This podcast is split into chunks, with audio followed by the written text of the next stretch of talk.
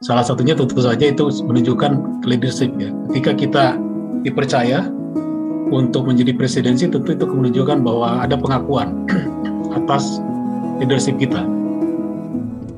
Media Keuangan Podcast. Indonesia resmi menerima tongkat estafet presidensi G20 pada sesi penutupan KTT G20 di Lanuvola, Roma, Italia. Ini merupakan kali pertama Indonesia memegang presidensi G20. Presidensi G20 Indonesia mengusung tema Recover Together, Recover Stronger. Melalui presidensi ini, Indonesia ingin mendorong dan memperkuat upaya pemulihan ekonomi global secara inklusif, kuat, dan berkelanjutan. Lalu, bagaimana Forum G20 dapat berperan strategis dalam memimpin tata kelola ekonomi global? Dan bagaimana signifikansi presidensi G20 Indonesia 2022, baik untuk skala domestik maupun internasional? Simak perbincangan media keuangan dengan Dodi Sulverdi, Kepala Departemen Internasional Bank Indonesia pada podcast berikut. Pak Dodi, bagaimana Pak peran strategis G20 dalam memimpin tata kelola perekonomian global selama ini, Pak? G20 punya beberapa pencapaian yang membuat peran strategis G20 itu uh, bukan sekedar hanya uh, dalam bentuk atau di atas kertas ya, tapi memang buktinya cukup banyak. Salah satu yang bisa saya highlight di sini adalah kesuksesan G20, uh, eh, mungkin bila dibilang yang terbesar ya, kesuksesan terbesarnya adalah ketika forum G20 ini dapat mengkoordinasikan negara-negara utama, negara-negara dengan ekonomi terbesar dunia, membantu mengatasi uh, ekonomi global melalui krisis ekonomi di tahun 9798 dan juga yang paling besar adalah di tahun 2008. itu yang yang sangat kentara di 2008 kita ingat bagaimana kemudian uh, secara bersama-sama seluruh uh, negara yang tergabung dalam G20 sepakat untuk mengeluarkan stimulus moneter dan fiskal yang termasuk terbesar uh, di dunia yang pernah terjadi. Selain itu juga G20 itu uh, telah turut mengubah uh, wajah tata kelola keuangan global jadi sektor keuangan itu baik yang secara umum maupun yang khusus perbankan, untuk kalau kita lihat saat ini jauh lebih resilient. Ya. Setelah sempat terpuruk di tahun 2008, sejak uh, ketika terjadi beberapa krisis sebelum setelah itu dan kemudian di apa akhirnya menjadi puncaknya adalah krisis karena COVID yang terjadi sejak 2020, kita bisa lihat bahwa sektor keuangan global itu uh, sekarang lebih resilient. Salah satunya terlihat dari permodalan bank yang semakin kuat ya. Terus governance-nya ya tata kelola yang juga lebih baik. Manajemen risikonya juga lebih baik ya. Itu semuanya uh, tidak bisa lepas dari komitmen negara-negara besar yang tergabung di G20 untuk mendorong reformasi. Ya reformasi sektor keuangan yang salah satunya tertuang dalam berbagai program atau standar-standar yang dikeluarkan oleh uh, eh, FSB ya Financial Services uh, Sector Board. Ya ini lembaga yang mengeluarkan uh, berbagai standar di sektor keuangan untuk global. Nah, jadi uh, itu salah satu indikasi atau bukti lain dari peran strategis G20. Kemudian juga kita lihat secara lebih spesifik kalau sepanjang uh, selama krisis COVID ini peran sentral G20 antara lain bisa kita lihat dari uh, inisiasi paket stimulus ya, baik itu yang fiskal maupun moneter yang lebih terkoordinasi ya. Dan skalanya luar biasa besar. Kemudian juga peningkatan uh, kapasitas dari IMF ya lembaga dana moneter internasional yang membuat mereka bisa lebih mampu untuk memberikan mendukung ya sektor apa eh, berbagai negara mengalami kesulitan akibat krisis ini. Dan juga berbagai multilateral development bank ya seperti World Bank dan berbagai lembaga keuangan pembangunan lain ini sekarang juga menjadi lebih kuat kapasitasnya untuk mendukung negara-negara yang terdampak. Juga yang juga tidak kalah penting adalah G20 juga cukup aktif sepanjang krisis uh, COVID ini membantu negara-negara miskin dan juga negara berkembang secara keseluruhannya atau secara umum. Uh, ketika mereka harus menghadapi tekanan uh, dampak COVID ini yang tentu saja kapasitas keuangan, terutama dari sisi fiskal dari negara-negara miskin dan berkembang ini tentu tidak sebesar negara-negara kaya.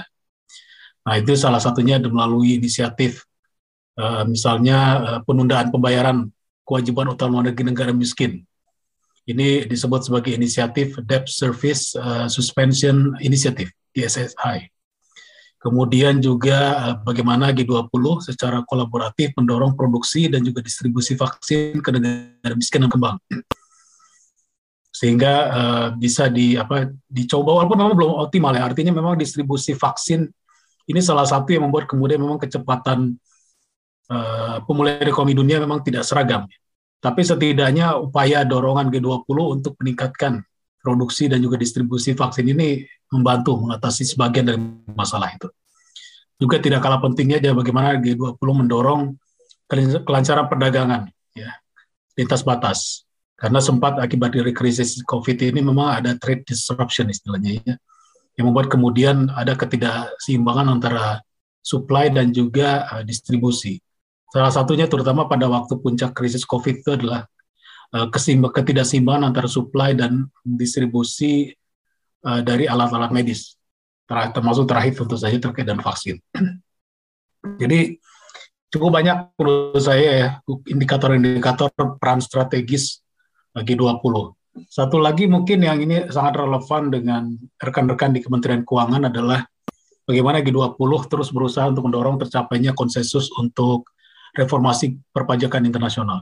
Ya, saya yakin ini um, sangat paham teman-teman di Kementerian Keuangan bagaimana uh, dorongan G20 untuk meningkatkan transparansi perpajakan, ya, transparansi informasi perpajakan melalui automatic exchange of information on tax matters. Ya.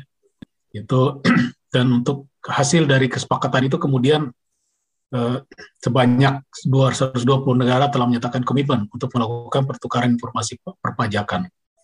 Nah, ini tentu saja sangat membantu untuk mengurangi eh, meluasnya atau mencegah terjadinya penggelapan pajak. Dan Indonesia menjadi salah satu negara yang telah melakukan atau berkontribusi dalam kerjasama ini. Uh, itu yang satu dan yang terakhir itu itu tahun 2000 tahun 2018 yang sekarang ini yang baru yang memang kesepakatan yang cukup uh, penting juga di tahun ini adalah uh, apa tadi uh, penetapan perpajakan uh, terutama berkaitan dengan digital ekonomi ya melalui uh, uh, uh, yang disebut sebagai G20 OECD Inclusive Framework on Base Erosion and Profit Shifting. Nah, ini ini juga penting karena kemudian melalui kesepakatan ini uh, terdapat ya, ada kesepakatan untuk adanya alokasi profit dari perusahaan-perusahaan multinasional ke negara lain ya, sehingga dapat menjadi basis pengenaan pajak di negara-negara yang menjadi pasar dari transaksi digital. Dan juga ada kesepakatan mengenai besaran minimum tarif pajak bagi perusahaan multinasional dalam hal ini 15%. Jadi kesepakatan ini tentu saja sangat membantu untuk menjamin uh, keadilan ya, fairness dan dan menjawab tantangan di era ekonomi digital. Melalui inisiatif ini eh, ada 139 negara dalam, dalam catatan saya yang yang apa kemudian bekerja sama untuk menjadikan sistem pajak itu menjadi lebih adil dan menghindari penghindaran pajak. Jadi uh, kalau kita list cukup banyak ini mungkin sedikit lagi saya bisa tambahkan yang terkait dengan perdagangan tadi sudah saya sampaikan, kemudian berkaitan juga dengan mitigasi risiko akibat perubahan iklim. Nah ini juga peran G20 uh, juga cukup instrumental ya dalam mendorong adanya Paris Agreement on Climate Change di tahun 2015 dan juga 2030 Agenda for Sustainable Development. Ini terlepas dari memang masih tetap banyak kritik tentu bahwa kemudian uh, komitmen G20 dalam mendorong uh, penanganan climate change ini memang uh, dipandang belum optimal, tapi uh, bagaimanapun juga itu tetap ada ada ada kontribusinya. Nah, di tahun 2022 nanti Indonesia akan memegang presidensi G20 dan Indonesia ini adalah negara emerging pertama yang memegang presidensi G20. Lalu Pak, bagaimana Pak signifikansinya untuk kepentingan domestik maupun global? Yang jelas peran nanti peran presidensi Indonesia itu uh, ada beberapa aspek ya. Pertama adalah tentu saja kita menjadi mendapat peluang atau mendapat peran untuk menunjukkan leadership. Uh, ya meski kita sudah cukup lama menjadi anggota G20 tapi kita belum pernah menjadi presidensi. Ya tentu kemudian tentu beda ya. Posisi ketika menjadi anggota biasa dengan menjadi presidensi tentu beda. Salah satunya tentu saja itu menunjukkan leadership ya. Ketika kita dipercaya untuk menjadi presidensi tentu itu menunjukkan bahwa ada pengakuan atas leadership kita di forum ini. Dan uh, itu bisa kita lihat dari beberapa dimensi, setidaknya ada tiga. Dari sisi dimensi substansi, uh, tentu kemudian uh, ini akan uh, apa memungkinkan Indonesia untuk mendorong pembahasan topik-topik yang relevan ya, dengan kondisi ekonomi global saat ini terutama terutama tentu saja karena kita masih belum keluar dari krisis ya tentu saja topik-topik yang bisa membantu dunia keluar dari krisis. Nah, itu pertama itu ini adalah yang very urgent ya bagaimana kita bisa mempercepat proses keluar dari krisis dan itu uh, bersama-sama bukan hanya satu dua negara besar saja. Dan kedua juga karena memang krisis ini punya dampak yang cukup dalam ke dalam produktivitas uh, ekonomi kita bisa lihat bagaimana kemudian COVID membuat uh, apa namanya banyak pekerjaan yang kemudian hilang, kemudian juga peluang pekerjaan dan kemudian juga supply tenaga kerja jadi berkurang, banyak banyak sektor-sektor yang kemudian menjadi tidak bisa hidup karena memang kemudian dia sangat tergantung pada physical ini ya interaction otomatis kemudian produktivitas para pekerja dan sektor ekonomi di sektor-sektor tersebut turun. Nah, tentu saja kita punya juga peluang untuk mendorong peningkatan produktivitas. Kemudian juga tentu saja tidak kalah pentingnya karena krisis uh, risiko munculnya krisis baru nanti tetap tinggi. Ya. Tentu saja kita perlu men, apa, mengatasinya dengan meningkatkan ketahanan, ya, ketahanan dan juga stabilitas untuk memitigasi kalau nanti terjadi krisis lain.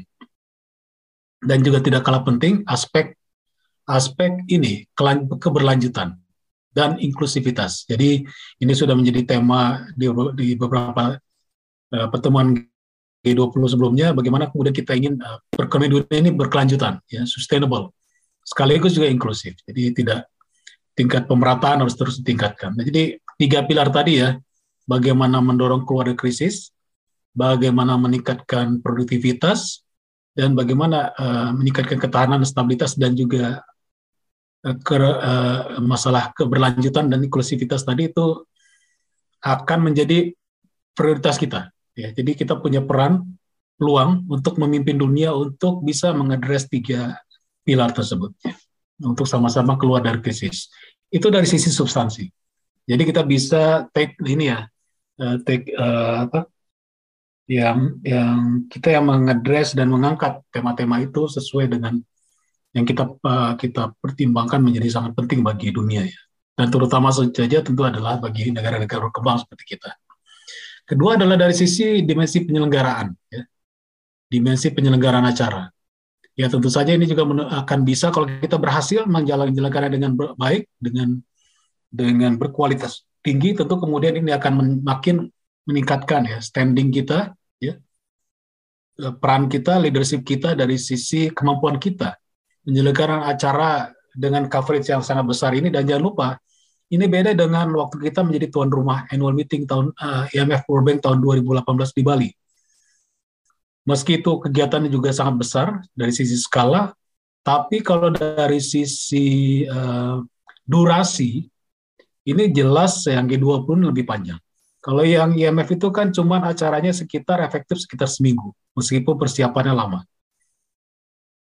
Tapi ini uh, dan memang negaranya juga banyak. Tapi G20 ini selain negaranya juga banyak juga dan semuanya negara-negara utama terbesar di dunia yang juga tidak kalah yang membuat kemudian membedakannya dengan annual meeting 2018 adalah durasinya.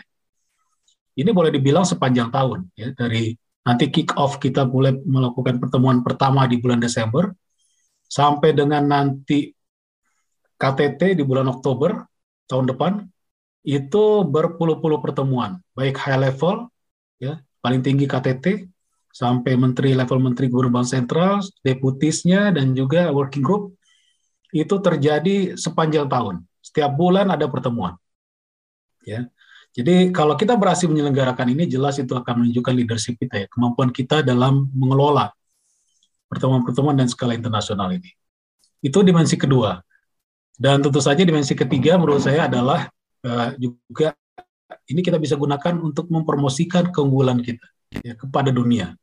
Keunggulan baik dari sisi bagaimana kita bisa menunjukkan resiliensi ya, ketahanan ekonomi kita, meski kita masih belum sepenuhnya keluar dari krisis pandemi, tapi kita sudah sanggup insya Allah kita bisa sanggup menyelenggarakan acara sebesar ini. Kemudian juga kita bisa sekaligus juga menunjukkan bagaimana uh, keunggulan kekayaan budaya pariwisata dan keunggulan lainnya. Nah ini tentu saja ya dimensi ketiga ini ya bagaimana kita memanfaatkan uh, penyelenggaraan G20 ini dari sisi uh, mempromosikan keunggulan kita di berbagai bidang tadi. Ini tentu saja membantu meningkatkan image kita ya, representasi kita di mata dunia. Dan ini tentu efeknya adalah sangat banyak ya. Nanti ketika kita sudah semakin uh, bisa membuka diri pasca kris pasca pandemi, tentu kemudian uh, apa namanya akan bisa mendorong ya para para pelaku ekonomi uh, baik itu investor maupun juga ya apa turis dan lain-lain ya ketika kita sudah bisa membuka ekonomi kita dan sektor turisme kita dengan dengan lebih terbuka nanti tentu saja ini membuat mereka semakin confidence untuk datang baik itu untuk investasi berdagang maupun untuk uh, bertamasya ya, ber, berrekreasi di Indonesia. Jadi ini tiga dimensi menurut saya yang akan menjadi uh, apa menunjukkan ya peran penting uh, dari presidensi ini bagi bagi kita ya di dimensi substansi penyelenggaraan acara dan juga uh, uh, kesempatan bagi kita untuk mempromosikan keunggulan. Itu dari sisi bagaimana pandangan dunia ya terhadap leadership kita melalui peran presidensi ini. Dari sisi domestik uh, ini pun banyak ya tadi sebagian sudah ada sebenarnya. Tapi uh, salah satunya adalah tentu saja kita sebagai presidensi tentu memiliki kewenangan besar dalam menentukan agenda. Ya tentu tidak bisa sebebas-bebasnya karena bagaimanapun juga ini adalah apa forum yang sifatnya konsensus ya. Tapi uh, key atau prioritas itu kita bisa yang kita bisa memilih. Ya. Kita bisa memilih, kita angkat Uh, dan itu bisa kita kemudian uh, uh, majukan di dalam berbagai pertemuan sepanjang tahun satu tahun ke depan gitu. Ya. Nah, jadi kita bisa memajukan agenda-agenda yang memang relevan bagi nasional atau regional. Ya, jadi jangan lupa karena kita adalah wakil negara emerging, negara berkembang, dan satu-satunya negara G20 di ASEAN, tentu kemudian kita punya kewajiban ya untuk bisa mendahulukan kepentingan negara-negara berkembang dan juga di regional ya meski tentu tidak harus juga kita balancing ya dengan kepentingan negara-negara lain tapi ini tetap kita punya ruang untuk memajukan agenda-agenda tersebut nah tentu saja ini kemudian bisa membantu kita bahwa apa, apa membantu negara-negara berkembang dan juga di regional untuk sama-sama keluar dari krisis ya. Yang kedua tentu saja manfaat dari sisi domestik adalah uh, ya tadi sebenarnya sudah saya, singgung ya karena kemudian kita adalah satu-satunya negara ASEAN yang menjadi anggota G20 tentu itu akan membuat juga meningkatnya standing kita ya bagaimana eh, pengaruh kita marwah Indonesia dari sisi diplomasi internasional di mata negara-negara di sekitar. Ya, artinya kemudian nanti dalam berbagai kesempatan lain tentu dengan marwah yang semakin kuat, makin besar berkat keberhasilan kita nanti memimpin G20 tentu kemudian peluang bukan peluang uh, peran ya dan juga pengaruh Indonesia dalam dalam mendorong kerjasama di regional itu juga semakin mungkin besar. Ya tentu saja selain itu adalah kita akan menjadi fokus dunia dalam setahun ke depan dengan berbagai rangkaian pertemuan yang ada. Tentu kita akan eh, kalau kita bisa mengoptimalkan ini akan menjadi membuat Indonesia menjadi fokus perhatian dunia. Nah inilah kemudian menjadi tempat kita untuk kita yang saya sudah singgung di depan kita bisa showcasing ya, menunjukkan berbagai kemudian yang kita miliki. Nah, kemudian juga tadi kita jadi sarana bagi kita untuk memperkenalkan pariwisata dan juga produk-produk unggulan.